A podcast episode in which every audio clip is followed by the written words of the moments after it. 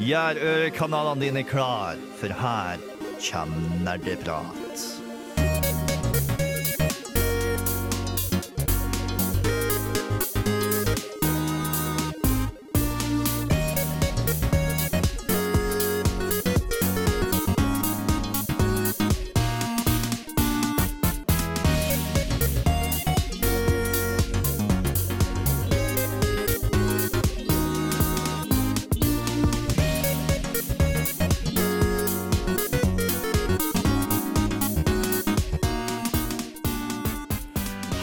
Hei, og velkommen til Nerdprat. Som dere sikkert kan høre, så er det en ny mann i sjåførsetet i dag. Det er altså meg, Håkon Sundby, som prøver meg som første gang som programleder. Og det kan jo bli spennende. Vi får se hvordan det går. Um, sammen med meg så har jeg i studio våre faste Anna, Hallo? Tor Magnus Hei, hei. og tekniker Torben. Hallo. Eh, vi skal i dag snakke om eh, min favorittspillsjanger, altså Metroidvania. Vi skal gå litt inn på hva det vil si. Vi skal gå litt inn på spill som har formet sjangeren, altså Metroid og Castlevania. Og se på noen av de nyere eksemplene um, som spillutviklere gjør, og hva de gjør ut ifra sjangeren. Um, men uh, før det så skal vi høre litt om hva vi har gjort siden sist. Og før det igjen så skal vi få en liten låt, altså Put Your Hands Up for Neo Tokyo med Looking for You. Det er jo en stund siden vi har samlet, samlet oss her i studio. For dere faste lyttere har kanskje ikke lagt merke til det, men eh, oss i Nerdeprat tok jo en liten påskeferie forrige uke. Så, og jeg vil da tro at vi alle har fått tid til å gjøre et par spennende ting i den tiden vi har hatt fri. Så da skal jeg spørre, hva har skjedd siden sist? Er det noen som vil starte? Ja. Jeg har gjort to ting jeg aldri har gjort før eh, her i Trondheim, til tross for at jeg har bodd her i fire år pluss nå.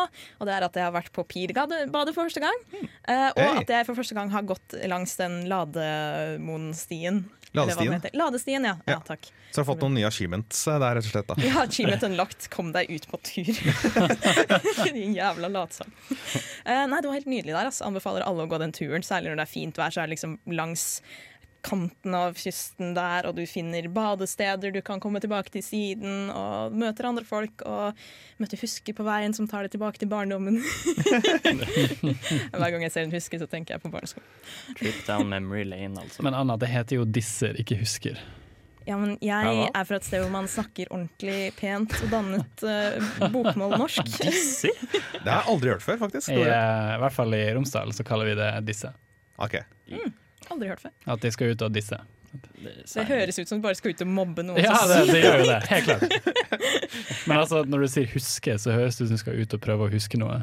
Ja, men det hjelper jo også, hvis du liksom tar deg litt pause fra studielesing, og så kommer du deg ut og får litt sånn andre opplevelser, og kanskje det hjelper hukommelsen din. ikke sant? Sikkert noen studier gjort på det.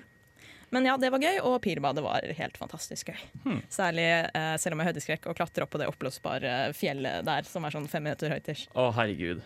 Å, det høres fryktelig ut. Eh, det var en god blanding av 'å herregud, hva er det jeg gjør', og 'oi, å skli ned var skikkelig gøy, jeg vil gjøre det igjen'. Men, det men er, det, er det stort? Liksom, er det en sånn svær, Ja, ja, ja, det er badepark? ganske Å ja, Pirbadet, mener du? Ja. Har du ikke vært der? Jeg har ikke vært der. Det achievementet har jeg ikke fått ennå. Det er eh, studentrabatt der. Faktisk, så En dagsbillett koster 150 kroner eller noe sånt for en student. Mm. Eh, og det er ganske stort. Det, det, det mest definerende med Pirbadet er egentlig at det har ene sida er bare vindu. Det er eh, den sida som vender rett ut mot havet. Mm. Så har eh, klar eh, sikt ut til Munkholmen og Trondheimsfjorden, med mindre det står cruiseskip. Ah. I, i, i, i, I det tilfellet så er det fri, fri utsikt, mot cruiseskipet. Ja, Og, cru- og cruiseskipet har fri utsikt mot deg. ja Ja, ja, det er toveis forbindelse der. Men eh, hva med dere andre, da? Hva har dere gjort siden sist? Har dere gjort noe Jeg har for det meste i påskeferien uh, bare spilt Conan Exiles, egentlig. Oi, uh, ja, ja, du har begynt på det? Ja, jeg hadde en liten vennegjeng som begynte på det, og så slengte de meg på. Og de hadde kjøpt en sånn egen server, da. Eh, hvor vi kunne styre litt som vi ville. Eh, og det var veldig koselig. Eh, jeg tenkte å snakke mer om det på slutten når vi skal anbefale litt spill og sånn. Ja. Eh, så jeg kan jo eh, ja, holde det litt, litt labert akkurat der. Så. Ja, og nå, nå har ikke dette noe med han med en tidligere nærprat å gjøre, men jeg bare nevner det sånn bare for å være sikker på den sikre siden, at vi har en tidligere nærprater som nå er community manager i Fentcom. Yes, det er Jens Erik. Mm. Ja. Funcom står der bak uh, Conan Exiles. Mm. Uh, nei, jeg har uh, eh, Hva er det jeg har gjort? Jeg har spilt som Joker i eh, påsken. Men ikke i Super Smash.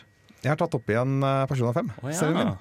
Jeg har kommet sånn ti timer inn, ikke noe lenger enn det. Ja, men så jeg, jeg mener jo selv at Persona 5 blir ikke bra før veldig veldig mange timer igjen i spillet. Og det er jo kanskje et av problemene.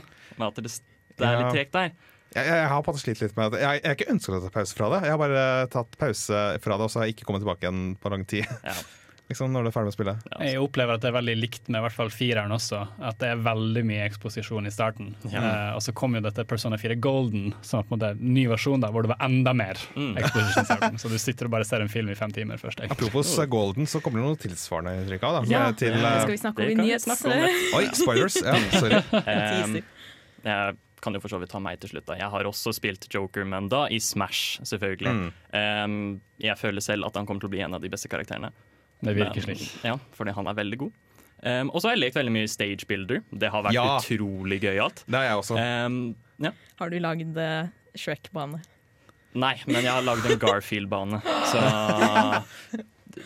nesten den samme tingen. Og så var jeg også Infinity War i går, da. Um, eller Infinity War, jeg mener Endgame, selvfølgelig. Um, og jeg tenker det var en solid film, men jeg skjønner ikke hvorfor den eneste linja til Hulken var uh, 'Hva gjør dere i min sump'? Men, Jeg tror du eh, var på feil screening. Nei, Hva? Han hadde jo mange flere replikker enn det. Har du også sett den? Jeg så den i går. ta, ta vitsen, da. Jeg skjønner ikke hva du snakker om. Ja, ja. Vi skal eh, straks gå litt inn på noen spillnyheter her på Nerdeprat. Men før det så skal vi få A Nod in the Darkness av Insomniac Bears. Nerdenytt. Det har altså skjedd et par nye, nye ting i spillverdenen eh, den, de to siste ukene. Og du har da satt deg inn i det, Anna. Jeg har satt meg inn i litt forskjellig her. Et studie om barn og gaming. At det kommer et Bloodborne-brettspill. At eh, Mortal Kombat 11 er ute, og mer. Så vi kan jo kanskje kjøre på med den jeg syns er aller mest interessant, da. Det studiet. Eh, Fordi en ting er at Foreldre er ofte urolige for at barn som gamer veldig mye, skal få dårligere sosiale evner enn de på sin alder som, som ikke spiller så mye. Og da er jo tanken det med at man er redd for at barna ved å sitte inne og se på en skjerm ikke får nok sånn ansikt-til-ansikt-interaksjon. At man tenker at ja, men det er jo helt nødvendig for å kunne lære seg å snakke med andre og få eh, sosial IQ, da, eh, basically. Eh, Så er det ei forsker ved NTNU eh, samfunnsforskning som heter Beate Hygen, som har gjort et eh, studie over lengre tid hvor hun har tatt for seg sammenhengen mellom bruk av dataspill og utviklingen av disse barnas sosiale kompetanse over flere år. Hvor har fulgt eh, 873 barn fra de var seks år til de var tolv år gamle. Og så annethvert år så har hun liksom sett hvordan deres sosiale kompetanse har utviklet seg. Altså ved seks års alder, åtte, ti og tolv. Og, og, og sett dette i sammenheng med hvor eh, mye de spiller. Uh, og det ble jo funnet at uh, det så ikke ut som om uh, i hvert fall gutter ble påvirket negativt av å spille mye. Det så ut som de klarte seg helt fint og fortsatt liksom lærte seg hvordan de skulle interagere med andre og sånn.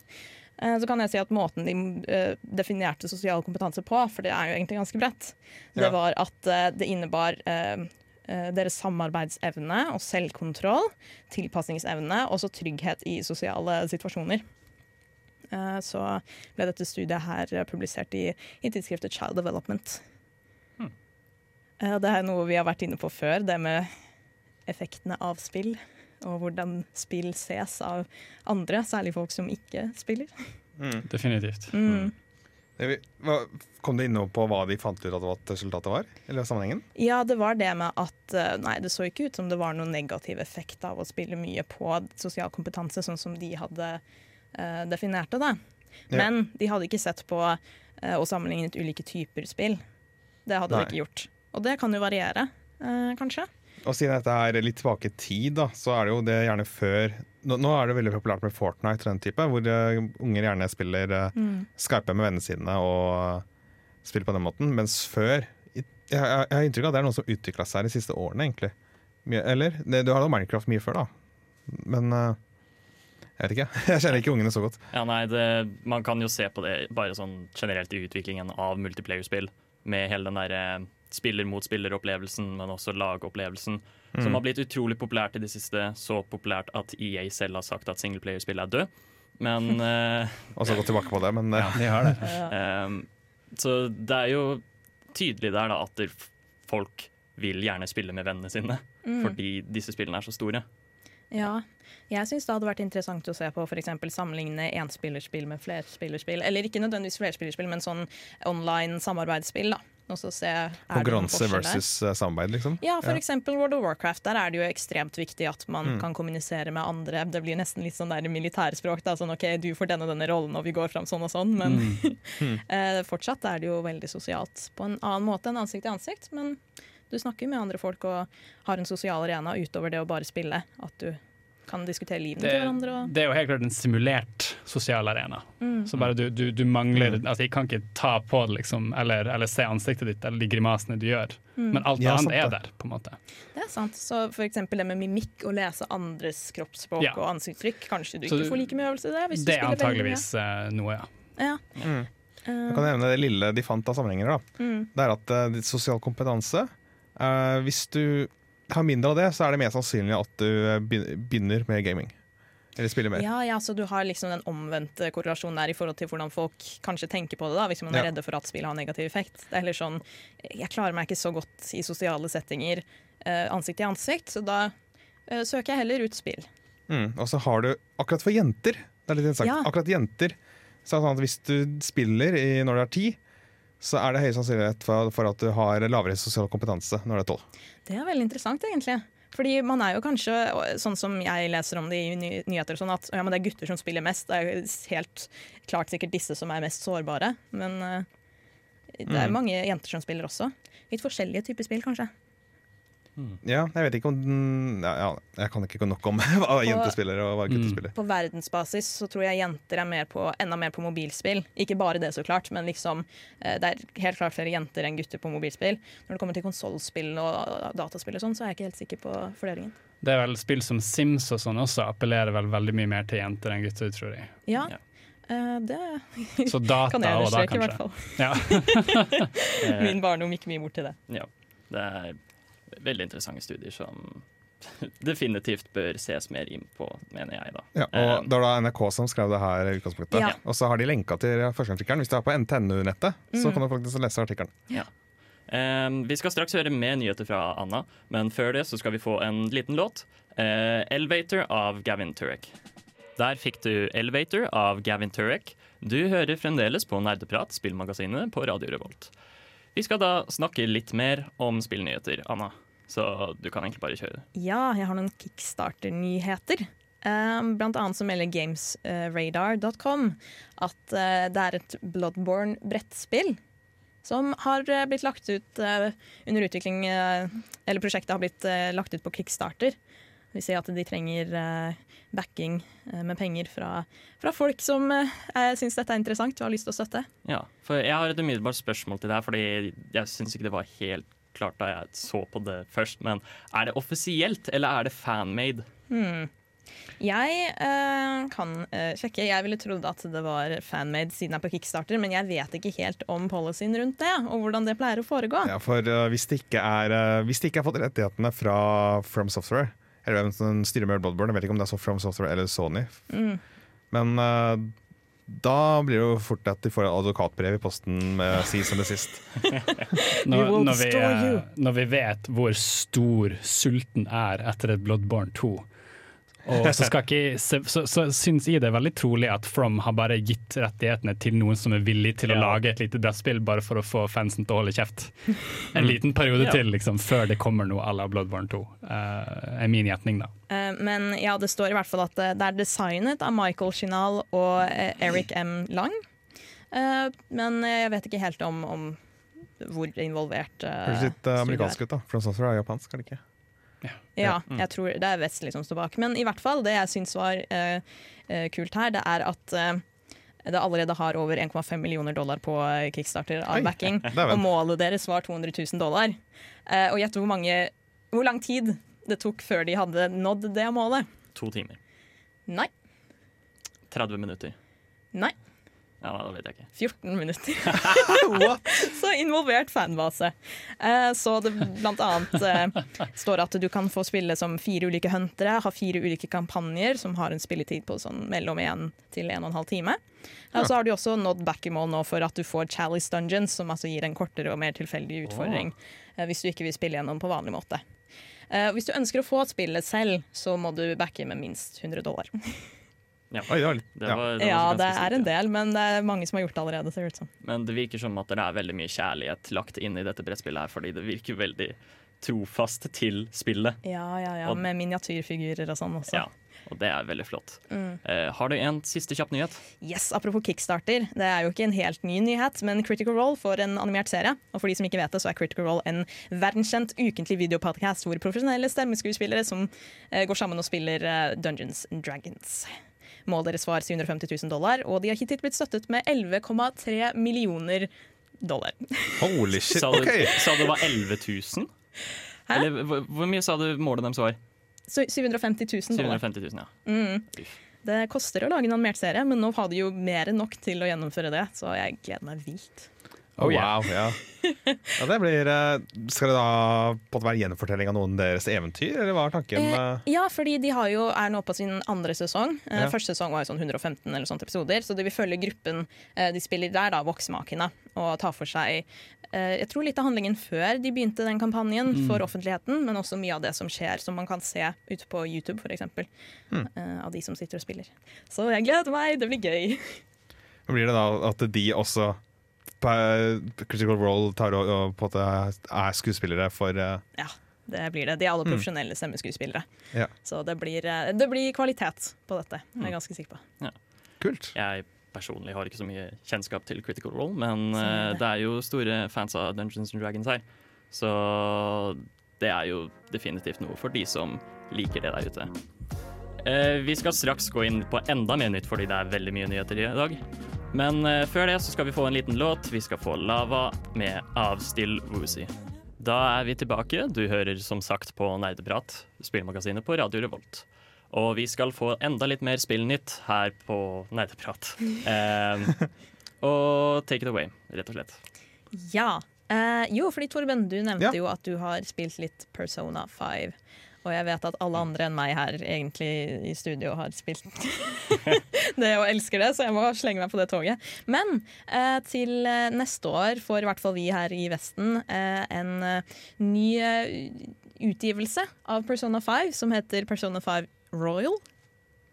Som mm. vil si at eh, det er um, en slags oppdatert versjon da, à la det jeg mener husker de gjorde med det forrige Persona-spillet. Der hadde de Ja. også I Persona 4 så ga de ut senere Persona 4 Golden, som var essentially det samme spillet, bare med mye mer innhold. Mm. de gjorde det også samme tidligere med Persona 3, hvor du hadde Persona 3 Fest, altså Festival Edition. Så nå kommer da uh, Persona 5 Royal, som har mer innhold, uh, og også en ny karakter. Det er ikke uvanlig at de gjør det. Ja, fordi Games Gamesradar skrev jo om at ja, denne nye traileren viser en ny hovedkarakter ved navn Kazumi Yoshisawa, som tydeligvis skal være en utvekslingsstudent, eller transfer student som det heter, som blir kjent med denne gjengen som du allerede er kjent med i Persona 5. Ja. Jeg vil også bare gå inn på hele den med at det er så å si det samme spillet, men bare med mer content. Eh, Ja. Av det jeg så av palassene i spillet, så virker det som at de har endret litt på de også. Og sånn at du har enkelte nye puzzles eller mechanics som ikke tidligere har vært der. Og så har du i tillegg enkelte nye eh, combat mechanics, og du har jo sånne utrolig rare superangrep. Hoena har sånn der ora-ora-opplegg. Så Da, da, da mener altså Håkon en karakter som slår veldig veldig mye. Sånn, sånn hora, hora, hora, hora, hora. Som dere som ser på anime sikkert skjønner. ja. Men det får man tulle litt, da. Har de, skal de bare legge på og legge på og legge på masse innhold i, og mekanikker og sånt til spillet? For jeg syns allerede det var veldig mye å ta seg å prøve å ta inn og over seg og lære seg når jeg nå har prøvd å spille Persona 5. Bare Ja. det vanlige. Jeg kan tenke at de, gjør dette sånn at det, det fremdeles kan bli en ny opplevelse for de som allerede har spilt spillet. Mm. Så da har de også en grunn til å kjøpe det, annet enn å bare Å ja, det her kommer ut igjen, og med nytt innhold. Da får jeg vel kjøpe det. Det blir jo gøy å spille gjennom det på nytt, men da blir det på en måte som en ny opplevelse igjen. Ja, fordi det Så ut som at du også får andre nye karakterer til, til den nye hovedkarakteren. Eh, pluss nytt område også. Ja. Og muligens et nytt palass. Så da er det jo en måte å holde fan, eh, fansene fornøyde mens man venter på neste store oppdatering, som blir det neste spillet i serien. liksom. Ja. Det er, jo, det er vel ikke helt sikkert hvilken betydning denne karakteren vil ha. Nei. Noen spekulerer jo om det er en ny female protagonist, for eksempel. Det, det gjorde de jo i Persona 3. Eh, men det gjorde de ikke i Persona 4, så det er jo ikke nødvendigvis sikkert at det er det som blir gjort her da, i Persona 5 heller. Nei. Men uh, det blir i hvert fall veldig spennende å se. Jeg er egentlig ganske spent på det. Jeg tenker jo også, Så vidt jeg skjønte, så skulle det komme til Switch. Så Og det Um, nei, jeg tror ikke det er blitt annonsert til Persona 5 til Switch. ikke. Det ryktes vel? Det er en Persona 5S. Den har blitt eh, avslørt å være ja, en S, ja. type F- Fire Emblem Heroes, uh, Hyrule uh, På den, den sjangen der, da. Ja. Hva heter det? Hyrule Warriors. Ja. Den- Eh, Scramble, ja. Persona 5 Scramble. Dynasty Warriors. Dynasty Wars, ja. Ja. Så det, det er ikke den ordentlige Persona 5-opplevelsen, kan du si. da Nei, ja ja, men det blir i hvert fall spennende å se. men, men den, Persona 5S, kommer på Switch og PlayStation 4. Men vanlige vanlig Persona 5 tror jeg er eh, Jeg tror de har en avtale med Sony på noe vis der. Ja, det gir for så vidt mening. Men det er fremdeles spennende å se. Mm. Eh, var det noe mer nytt?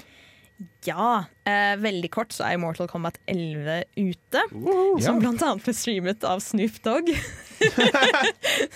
jeg har ikke sett den skimmen, jeg har litt lyst bare for å se hvordan han uh, reagerer på det.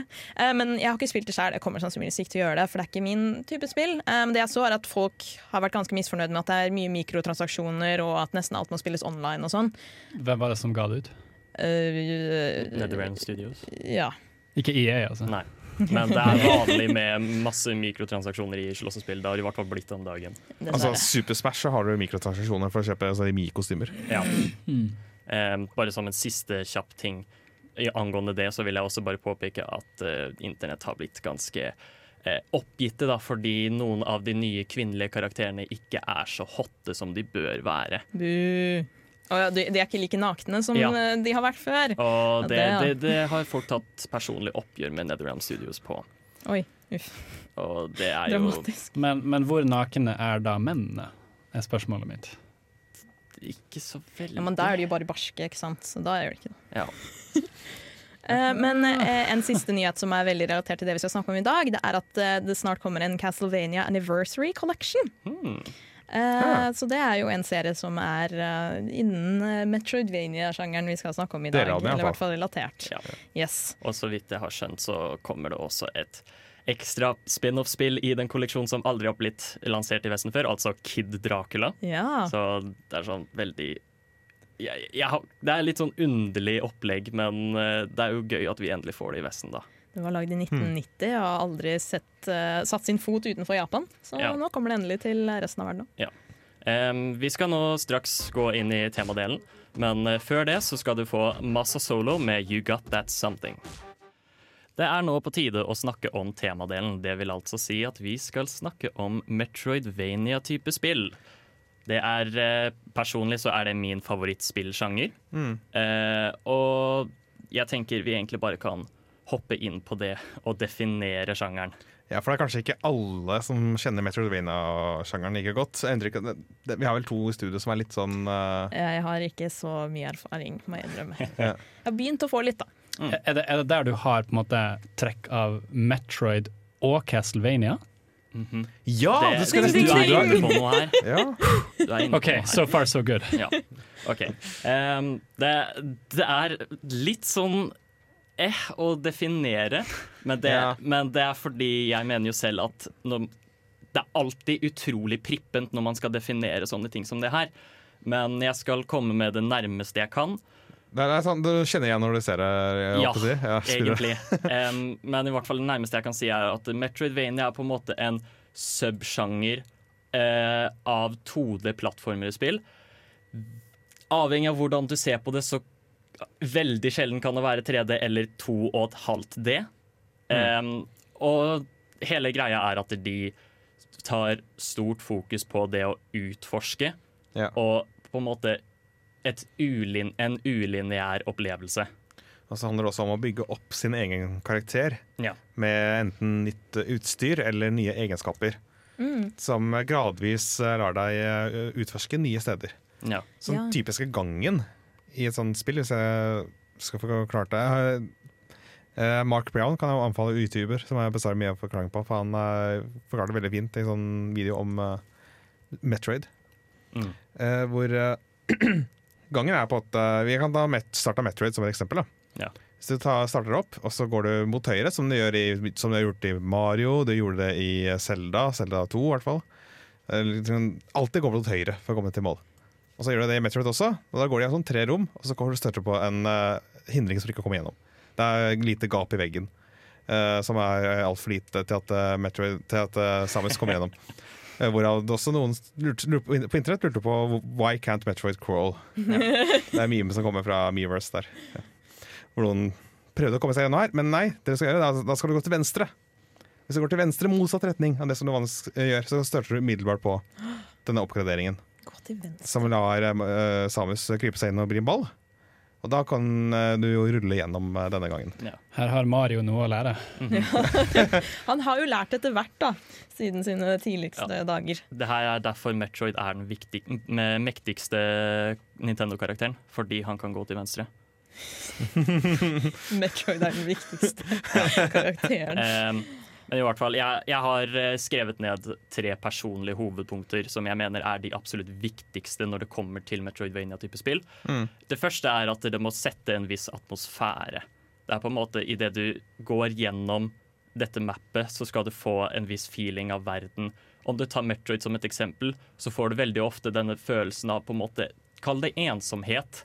Og det å være strandet i et fremmed eh, en fremmed verden, på en måte. Mm. Eh, Sånn som det er fullt av liv og sånt, av eh, skapning som er, hører hjemme på planeten, men som er helt fremmed for det vi kjenner. kjenner.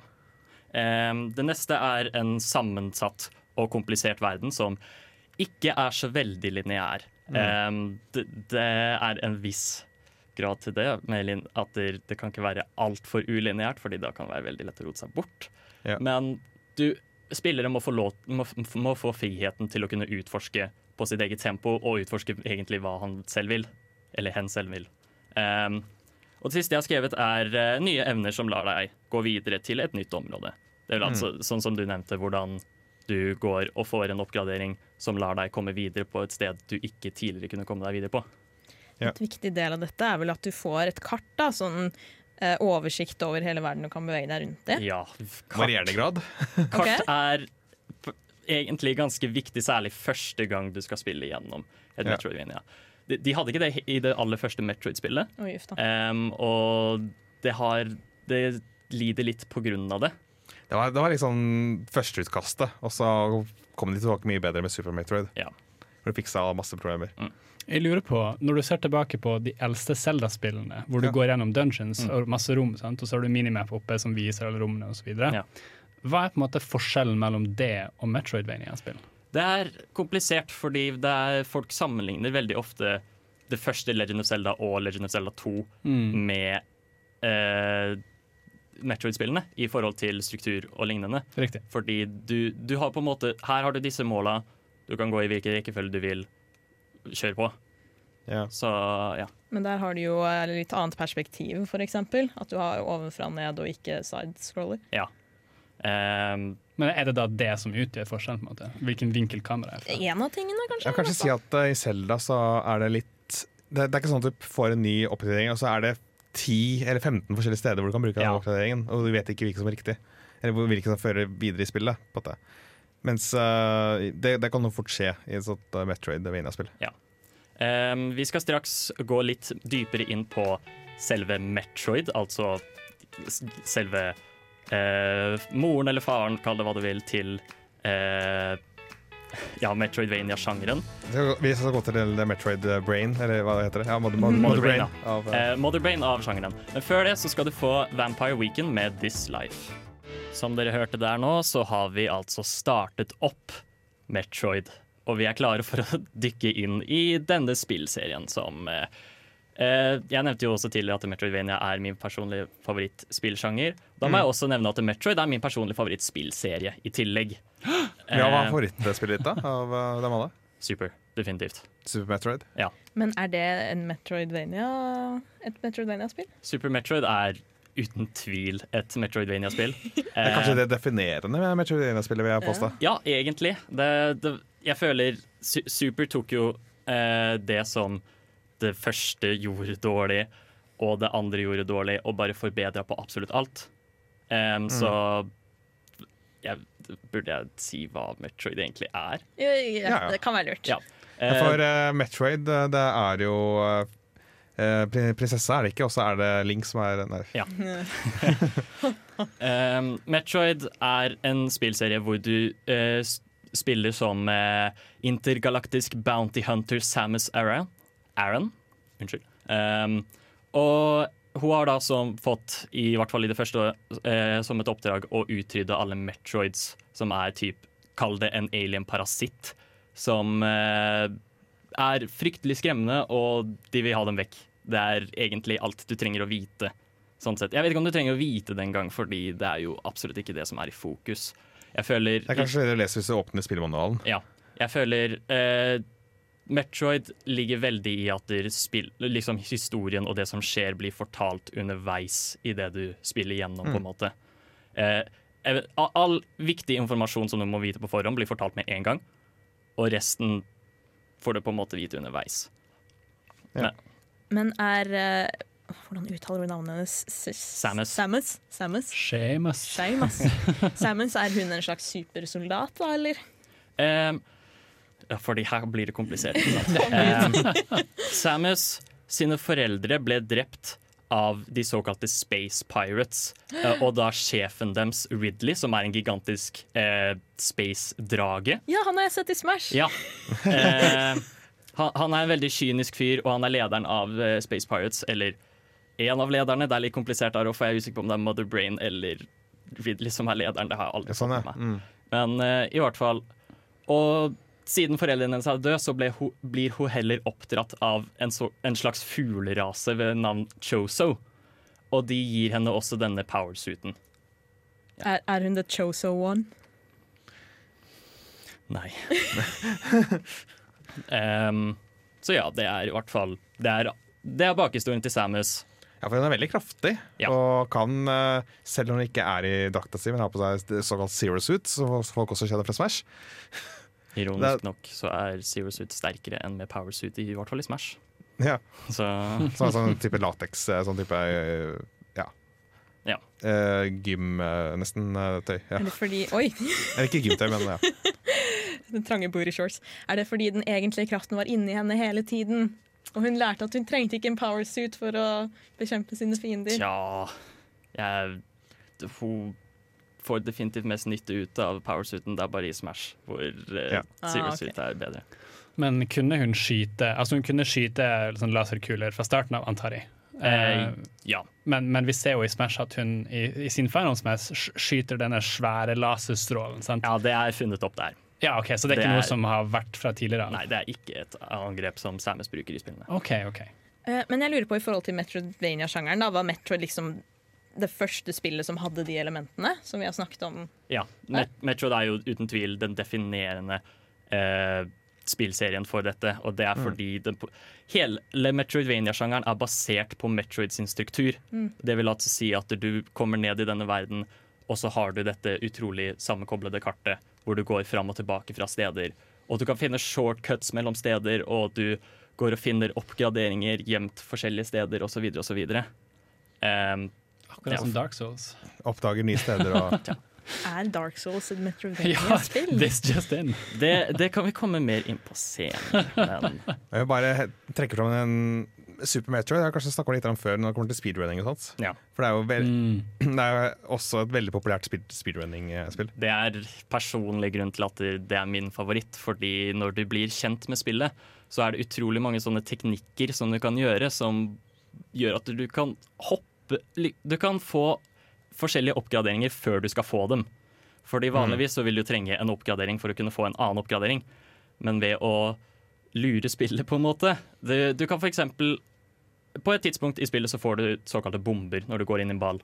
Um, og hvis du timer bombene riktig nok, så kan du hoppe uendelig. Sånn at du bare flyr oppover. Og Da er du nødt til å time det hele veien. Du, Ja, du, Det er du, du, samme greia i Ocarina of Time, altså. Det er en glitch som er akkurat likedan. Men tingen er at det er ikke en glitch, det er faktisk en teknikk som eh, oh, ja, de som har meningen? lagt ja. De som har laga spillet, har som intensjon at dette skal være en ting, men kun for de som på en måte klarer å mestre det. da. Ah, OK, ja, Samme med, med wall jumping. Ja. Er også relativt vanskelig, har jeg inntrykk av. I sammenlignet med andre Ja. spill. Men uh... Du kan spille gjennom hele spillet uten å kunne walljumpe i det hele tatt. Oi. Men hvis du kan walljumping, så blir det veldig mye raskere og lettvint å traverse verden, så å si. Mm. Og kanskje det, det, det største klagen, så vidt jeg vet, i forhold til Metroid-spill, er vel da at du har av og til sånne tilfeller hvor du har sånne randomme blocks. Du har en, Ja. sånn, en vegg hvor det ser ikke noe mistenkelig ut i det hele tatt, men så bare bomber du der, og så er det et lite hull du kan gå gjennom. Hvor man tenker sånn Hvordan i alle dager skulle jeg vite at dette var der, med mindre jeg visste det? litt sånn som første Selda, hvor du har De har sett fyr på skogen. Akkurat Ja. her så finner du hula. Mm. Og det er Ja. Mm, ja, nei, eh, jeg også tenker på en siste ting med Metroid. Det er jo at det er veldig stemningsfullt. ja. Og det er eh, til, og- til og med på første Nintendo-maskinen, som er liksom 8-bit-lyd og alt det her, så greier du å ha stemningsfull musikk som ikke Det er ikke sånn cheerful Mario og sånt. Nei, det her setter det liksom litt i bakgrunnen og lager stemning selv på de primitive eh, mulighetene. Ja. Um, så det, det er uten tvil en av de største grunnene til at jeg liker Metroid også, pga. den atmosfæren og særlig den følelsen av ensomhet da, som du føler. Um, og vi skal nå få høre en liten låt fra uh, spillet Metroid Prime. Dette er Fendrana Drifts, eh, komponert av Kenji Yamamoto og Koichi Kyuma. Og jeg mener selv at dette er et perfekt eksempel på musikk som bare oser atmosfære. Så ja. Vi har nå snakket om Metroid, den første eh, vi, vi landa på Motherbrain til eh, Metroidvania-sjangeren.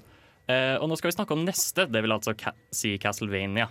Ja. Og det jeg syns er så gøy, er jo at det, i hvert fall de tidligste eh, entries til Castlevania er jo veldig, veldig ulikt Metroidvania-serien. Ja, der, der løper du jo fra venstre til høyre omtrent, Mm. og eh, tar livet av uh, monsteret. Ja. Så det er eh, Ja.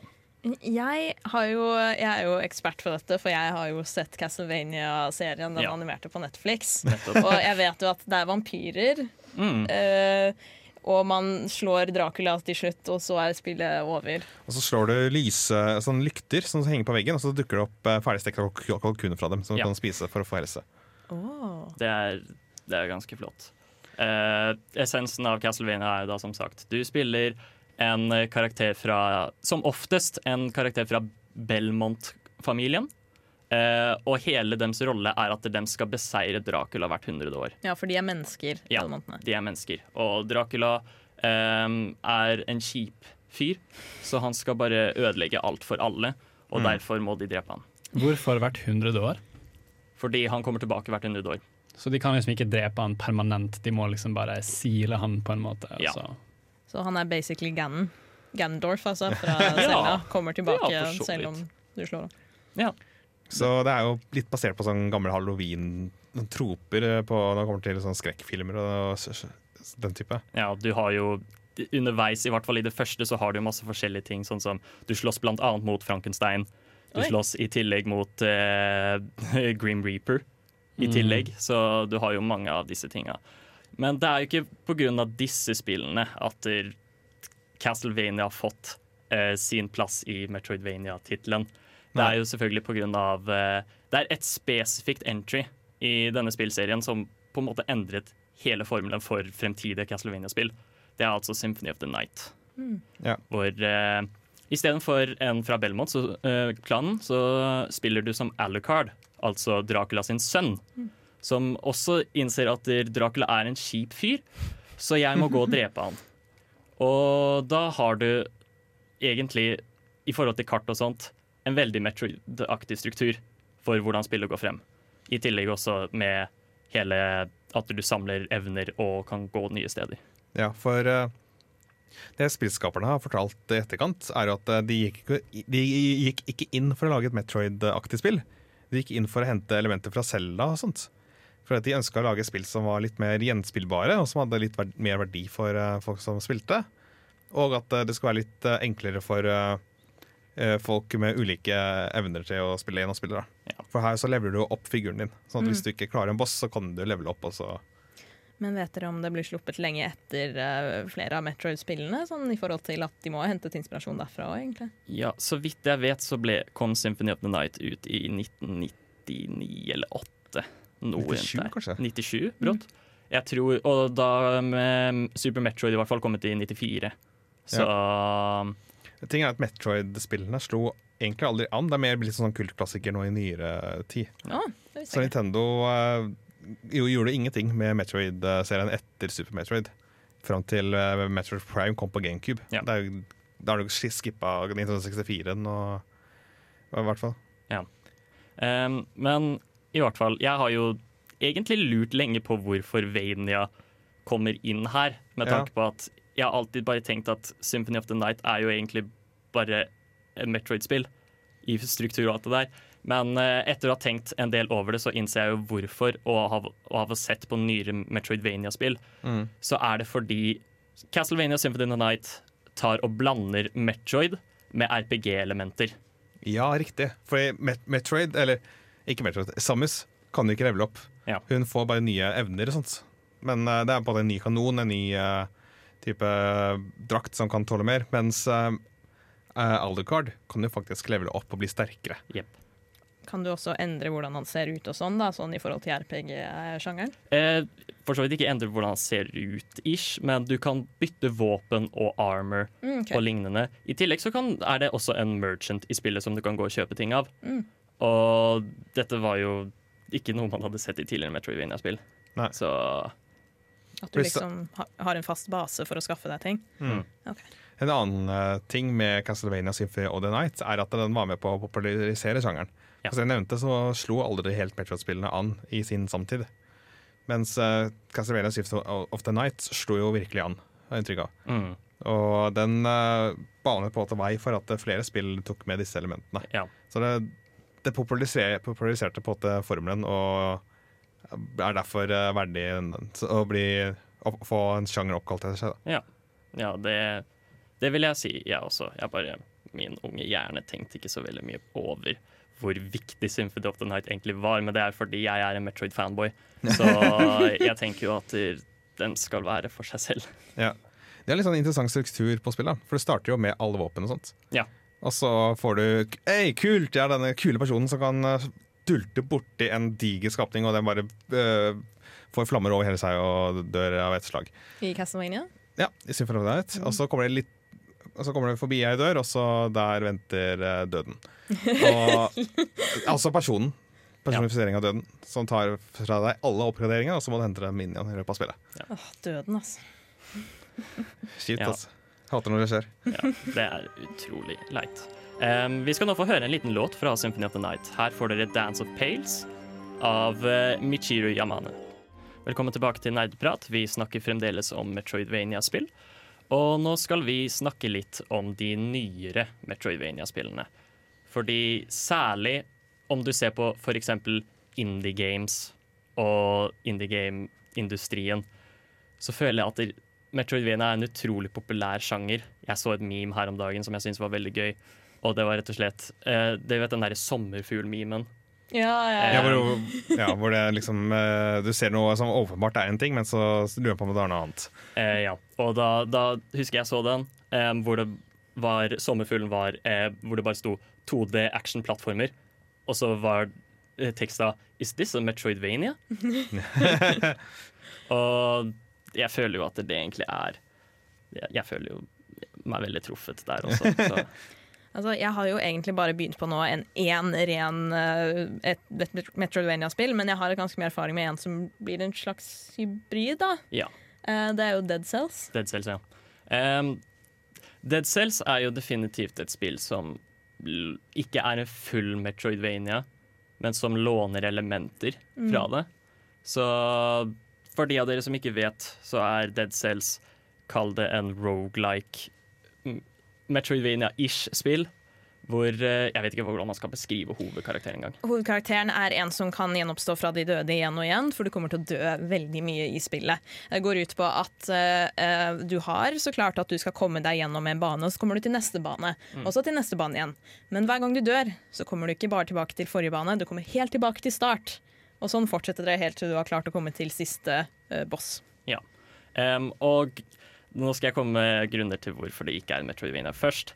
Og det er rett og slett at du har denne veldig lineære strukturen i at du, du går på en måte gjennom det første nivået, og så går du til det andre nivået, og så helt fram til slutten, til du slår den siste bossen.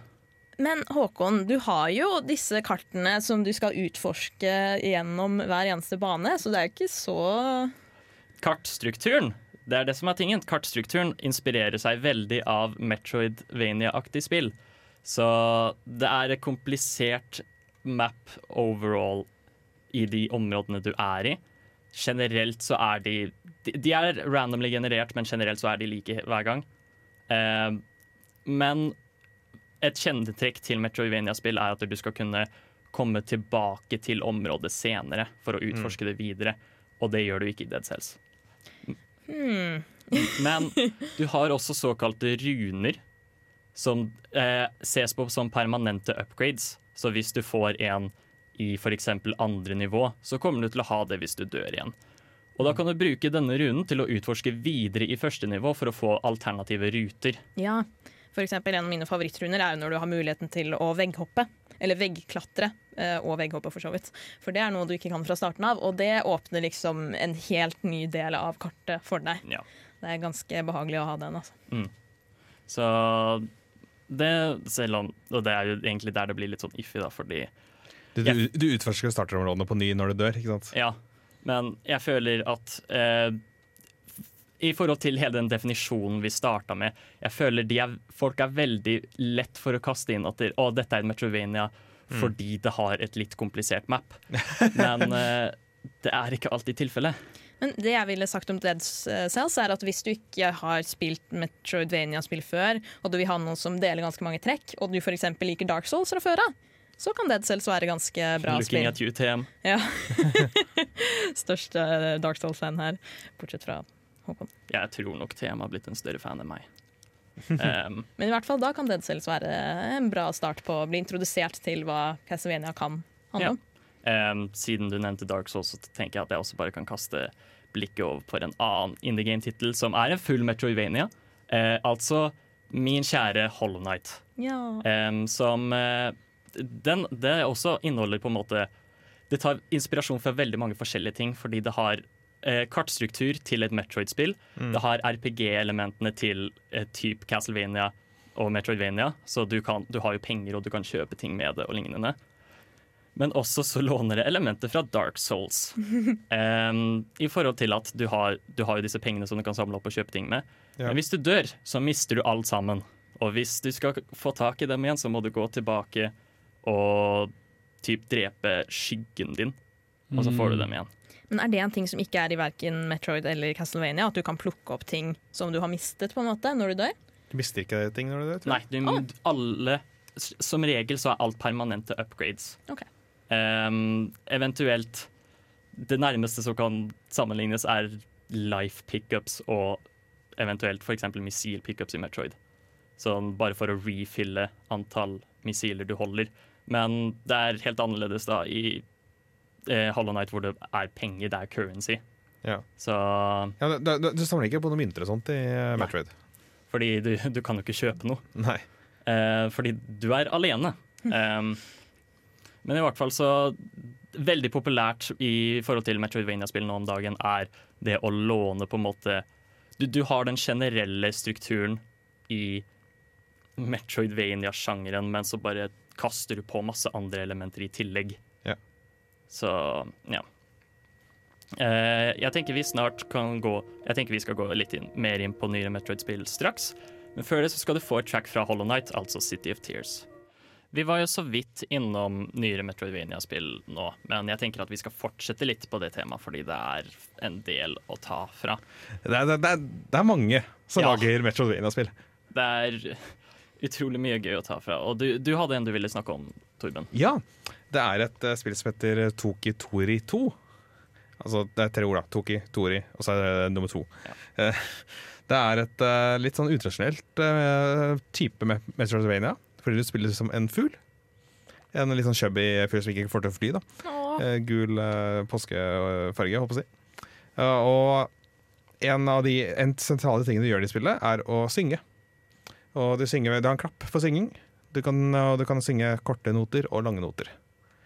Men uh, tingen er at uh, timingen din og hva slags musikk og så- sanger som du spiller, kan aktivere visse egenskaper og sånt. Okay. At du f.eks. en spesiell som lar deg eh, teleportere deg rundt, eh, eller eh, og, og disse unlocker du kun ved at du går rundt i landskapet og så ser, observerer en annen fugl som synger den samme sangen. Men er, er dette bare de evnene du får i tillegg til at du slåss mot fiender, eller hva? Det er ikke så mye fiender å slåss mot. da Det er mer Ok. sånn overlevelsesspill. Kan, kan si. Nei, ikke overlevelsesspill, men det er puzzle solving i større grad. da Ok, Sånn type at det er farlig miljø du må navigere deg rundt, eller at Ja. du bare må komme deg forbi? eh, Du må komme deg forbi farlig miljø og okay. overleve på den måten. kult. Ja, Men eh, tingen er at disse melodiene som du hører, dem, det er ikke noe som unlockes på fuglen. Det er egentlig bare kunnskap som unlockes hos deg. Mm. At du lærer deg hvordan disse melodiene passer sammen og sånt. Så jeg har ikke testa det ut, men det kan eh, Men eh, så vidt jeg har fått med meg, så går det an å plystre de melodiene før Hvis du spiller spiller på gang nummer to, da. Og kan disse melodiene. Så er det jo ingenting som hindrer deg å spille, spille de melodiene fra starten av. Ja. Ah. Det er litt sånn eh, morsom vri på det. da For Det er faktisk ikke en oppgradering på, hos fuglen, det er en oppgradering hos deg. da det, jeg har jo ikke aldri spilt uh, Ocarina of Time, men eh, kan du gjøre det samme der? For der er det jo melodier som Oh. du liksom kan spille, men hvis du kan de fra starten, er det samme at du bare kan brise gjennom spillet uten å måtte finne de på mm, nei, det fungerer dessverre ikke sånn. Okay. Så selv om du kan Selv om du kan Song of Time eller hva det er, og du tenker å nå kan jeg bare gå inn i Temple of Time med en gang, så får du ikke lov til det. Spillet sier nei. Åh. Så Ja, det er, Du må på en måte ha den spesielle sekvensen hvor du lærer melodien sånn offisielt sett i spillet. ja.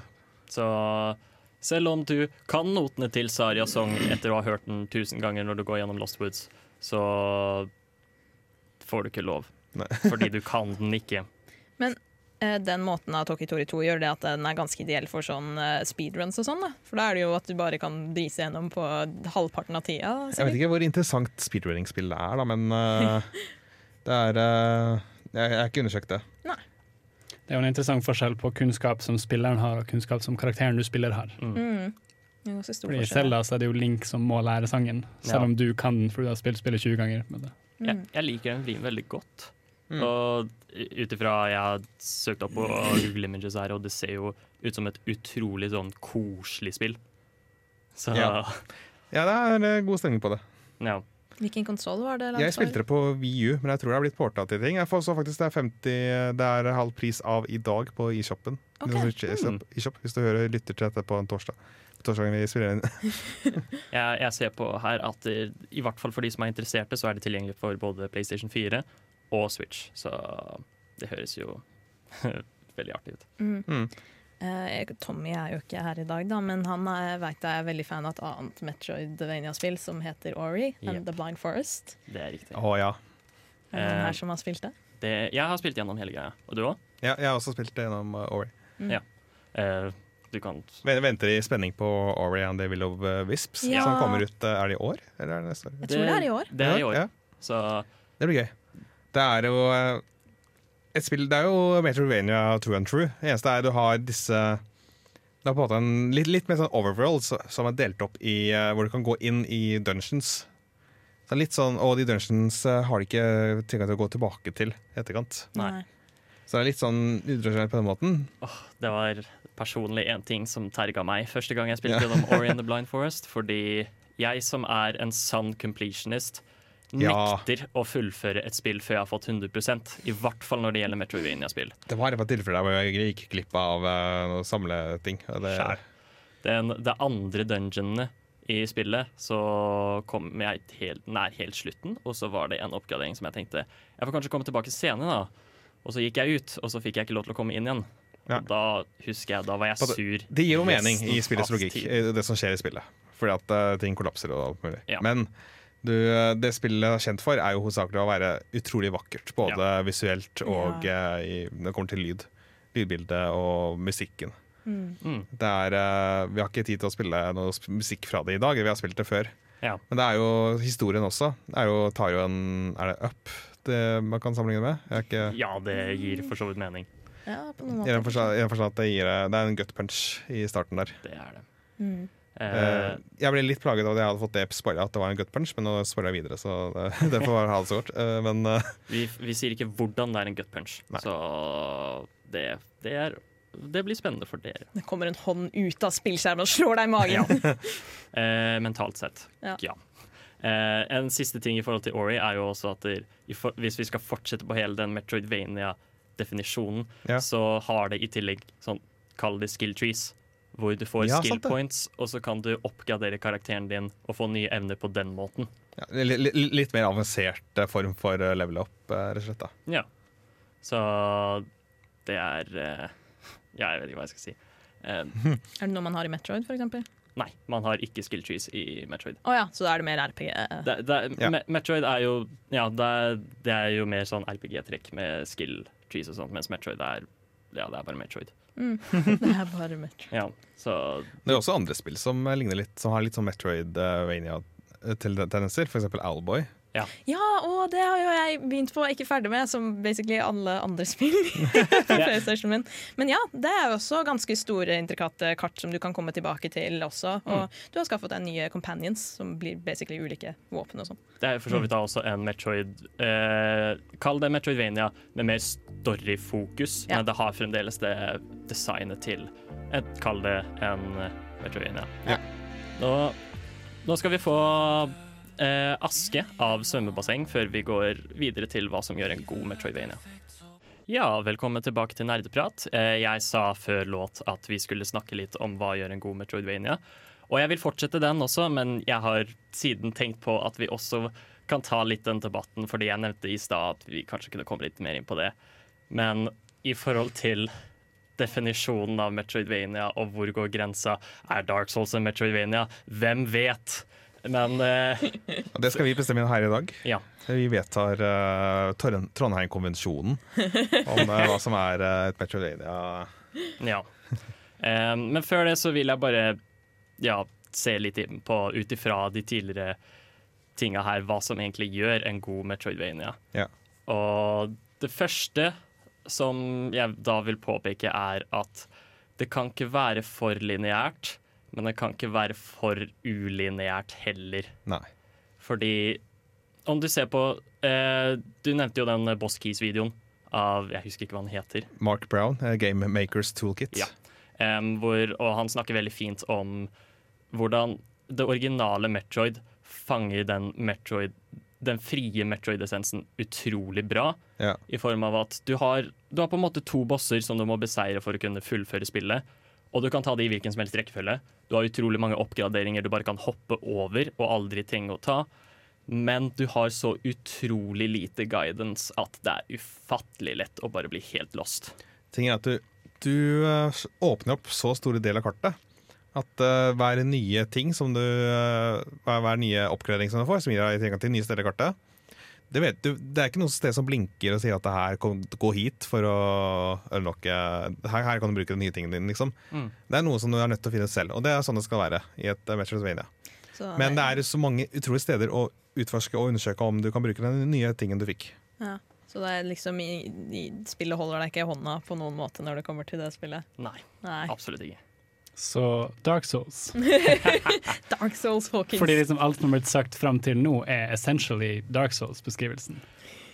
Nå skal jeg komme med min argumentasjon for hvorfor Dark Souls ikke er en full Metroidvania, men at det låner Metroidvania-elementer. Og det er rett og slett at om du tar karakteren inn i Dark Souls, du blir gitt et våpen, og du blir gjerne gitt et skjold. Mm. Og det våpenet har gjerne et moveset. Og du kan gå gjennom hele det spillet med det samme movesettet. Du trenger ikke noen andre oppgraderinger for å kunne komme deg videre i spillet. Det er ikke sånn at du møter en vegg idet du på en måte skal eh, det er ikke sånn at du møter en vegg for så at du må trenge en ny evne for å kunne komme deg dit. Da er det gjerne en nøkkelting. Ja, og jeg, jeg er helt enig. Uh, når vi snakker om oppgraderinger, så er det jo på en måte det eneste oppgraderingen per se du har i Dark Souls, er jo bare å levele opp.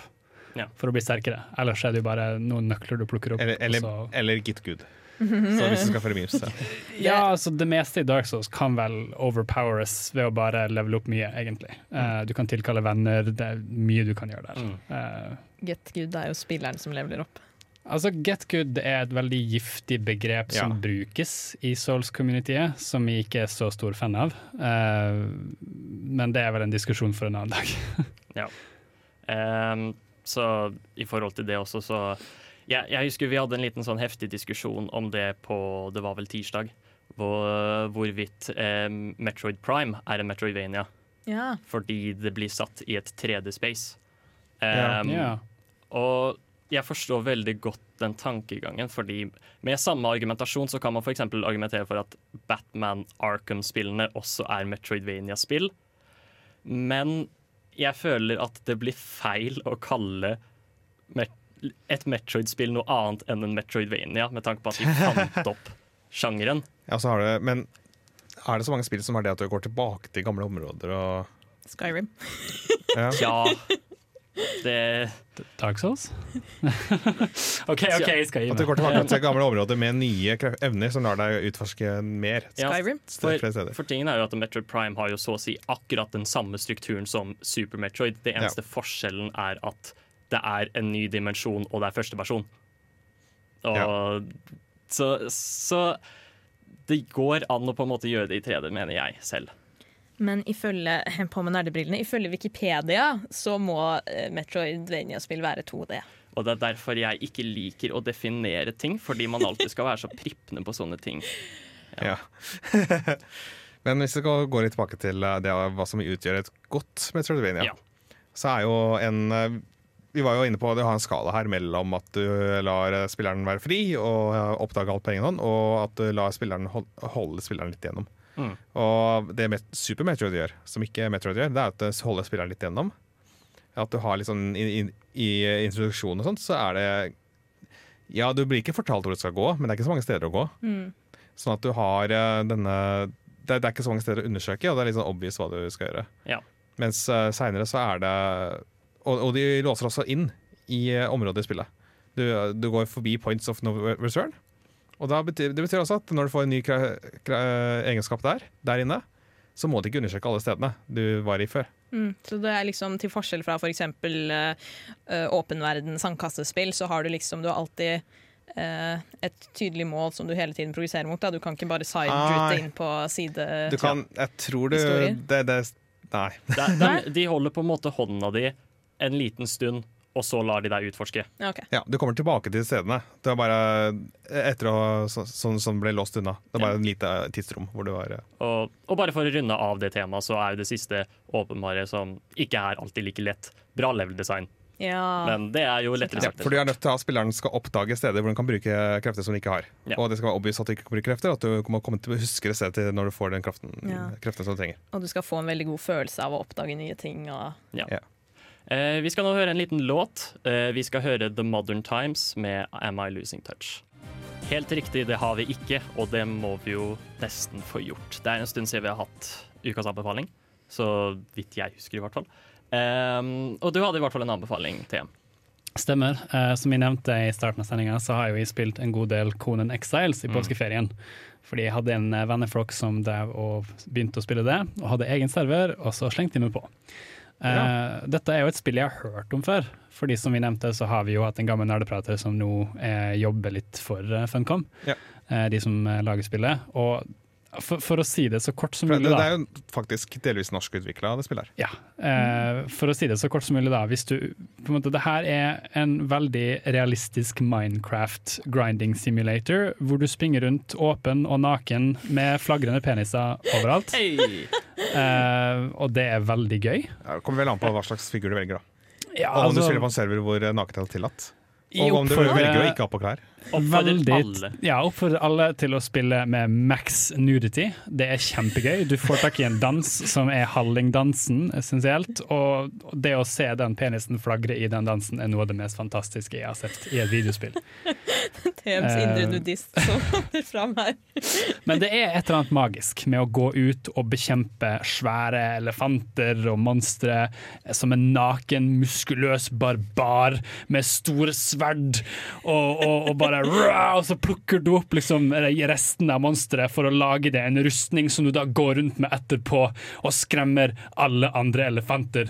Som da var venn med denne, jeg vet ikke, men Minner meg litt om i Skyrim, noen som bare maxer ut uh, uh, sånne hansker på å si, du kan finne, sånn at du bare kan slå i hjel drager uten å måtte bruke Du et eneste kan våpen. nesten det. Altså, du kan gå rundt og bare slå til svære monstre med knyttneven dine. Men altså, det er jo ikke oppfordret, da, fordi det er jo det svakeste våpenet essensielt i spillet. Hørtes eh, Um, katartisk ut. Men det ut. høres ut som det er sånn spill som virkelig oppfyller den der barbar eh, Hva skal jeg si eh, Macho eh, Oh, yeah. Definitivt. Men, men jeg må jo også si at jeg har visse klager til spillet. For selv om det var kjempegøy å lage med en trehytte, som liksom jeg hadde alt der oppe, og jeg kunne ta heisen opp til den, og jeg var liksom snøgg i min koselige lille trehytte, uh, så var det på en måte Det, det er en, en timesink, for det første. Du, du bruker så mye tid, og du føler at man får litt lite tilbake. Um, og, og det er litt sånn Hvis du spiller alene, så blir det fort veldig kjedelig. Nå spilte vi med venner, men noen av de falt jo litt av etter hvert. Så merket jeg at OK, alene så får de egentlig ikke noe stor glede av å spille. Eh, og det er jo hver for seg, I guess.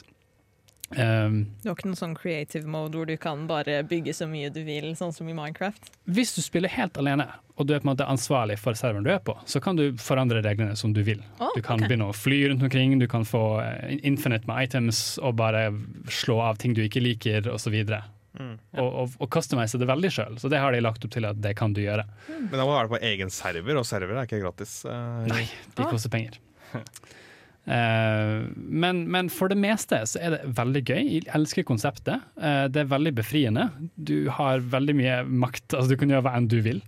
Eh, Jeg ønsker at de kunne polert litt på glitches og sånne ting, for det er fortsatt litt en del av de, men i en lite fortsatt- studio. Er det fortsatt i Early. Access, eller er det kommet forbi uh, lansert noe ordentlig nå? Det vet jeg ikke. Eh, høres spenstig ut, for å si det mildt. tror det er gratis på PC-en hvis du er PlayStation Plus Ah. akkurat nå, så Mm.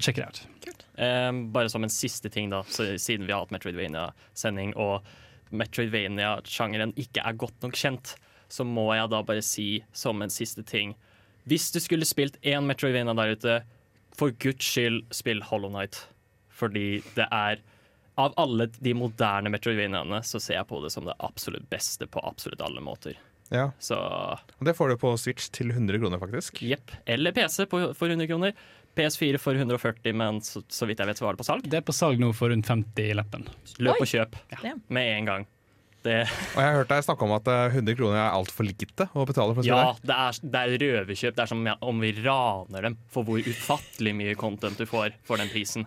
Mm. Så nei, det Faktisk, jeg, jeg tror at du må ha PlayStation Plus Ja. for å få det på ja, tilbud. ja, ja. Men still. Vi skal straks gå inn i ukas spørsmål, men før det så skal vi høre The Floor is Lava av Amanda Tenfjord.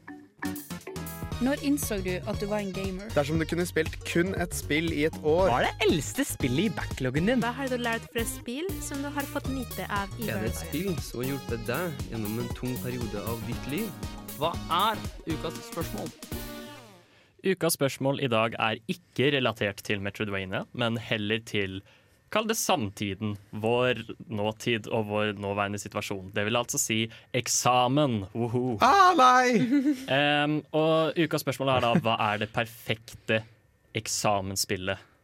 På en måte da for Om det skal være å koble av, eller hva enn det er. Spill og spille under eksamensperioden. Er det noen som har noen umiddelbare? Ikke Conan Exiles, i hvert fall. Da, da glemmer du at eksamensperioden eksisterer. Ja, da, da, da velger du heller å ikke ha et studie, er det sånn å forstå? Ja. Egentlig. Eh, Jeg skulle legge til å si det med at eh, tid, og tid du kommer til å bruke på spillet, er jo ganske eh, avgjørende for om du kommer til å bruke mer tid på det enn det du egentlig bør, som er å øve. Så jeg tenkte et veldig kort og også terapeutisk spill som vi snakket om før, som er uh, Grease. Ja, det, det som er ganske sti, stilistisk. eh, Veldig stilisert eh, vannfarge, farger og veldig Ah. håndtegnede animasjoner og bakgrunner og figurer, og også nydelig musikk. Eh, det går jo ut på at du styrer en jente som har mistet stemmen sin og skal prøve å finne tilbake til den. Og det som er så fint med Gris, er at det tar egentlig ikke mer enn to, maks tre timer egentlig å Mm. gjennomføre. Eh, Er det, er det spill som du tenker dere returnerer til da, i løpet av eksamensperioden? Ikke eh? nødvendigvis. Nei. Jeg må se det litt an, egentlig. Hva jeg får tid til. Jeg kan jo i hvert fall anbefale Bloodborne. Uh, det var et spill som hjalp meg veldig i fjor, i eksamensperioden, Mm. når jeg slet en del med fagene, og der satt de og tvang meg til å prøve Soul-spill for første gang.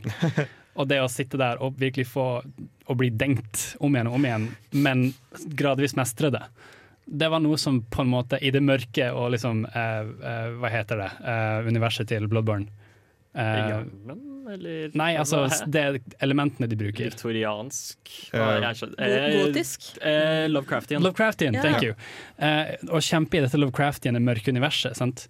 Det, det gjorde noe med meg. Som på en måte følte at jeg beseiret mine demoner. Mm. Så altså, Det er kanskje teit ut, men, men jeg syns det hjalp veldig, og det hjalp meg også å komme gjennom eksamensperioden. Ja. Så om du liker å bli dengt, prøv, prøv Souls. Ikke en bra sales pitch, men, men ja ja.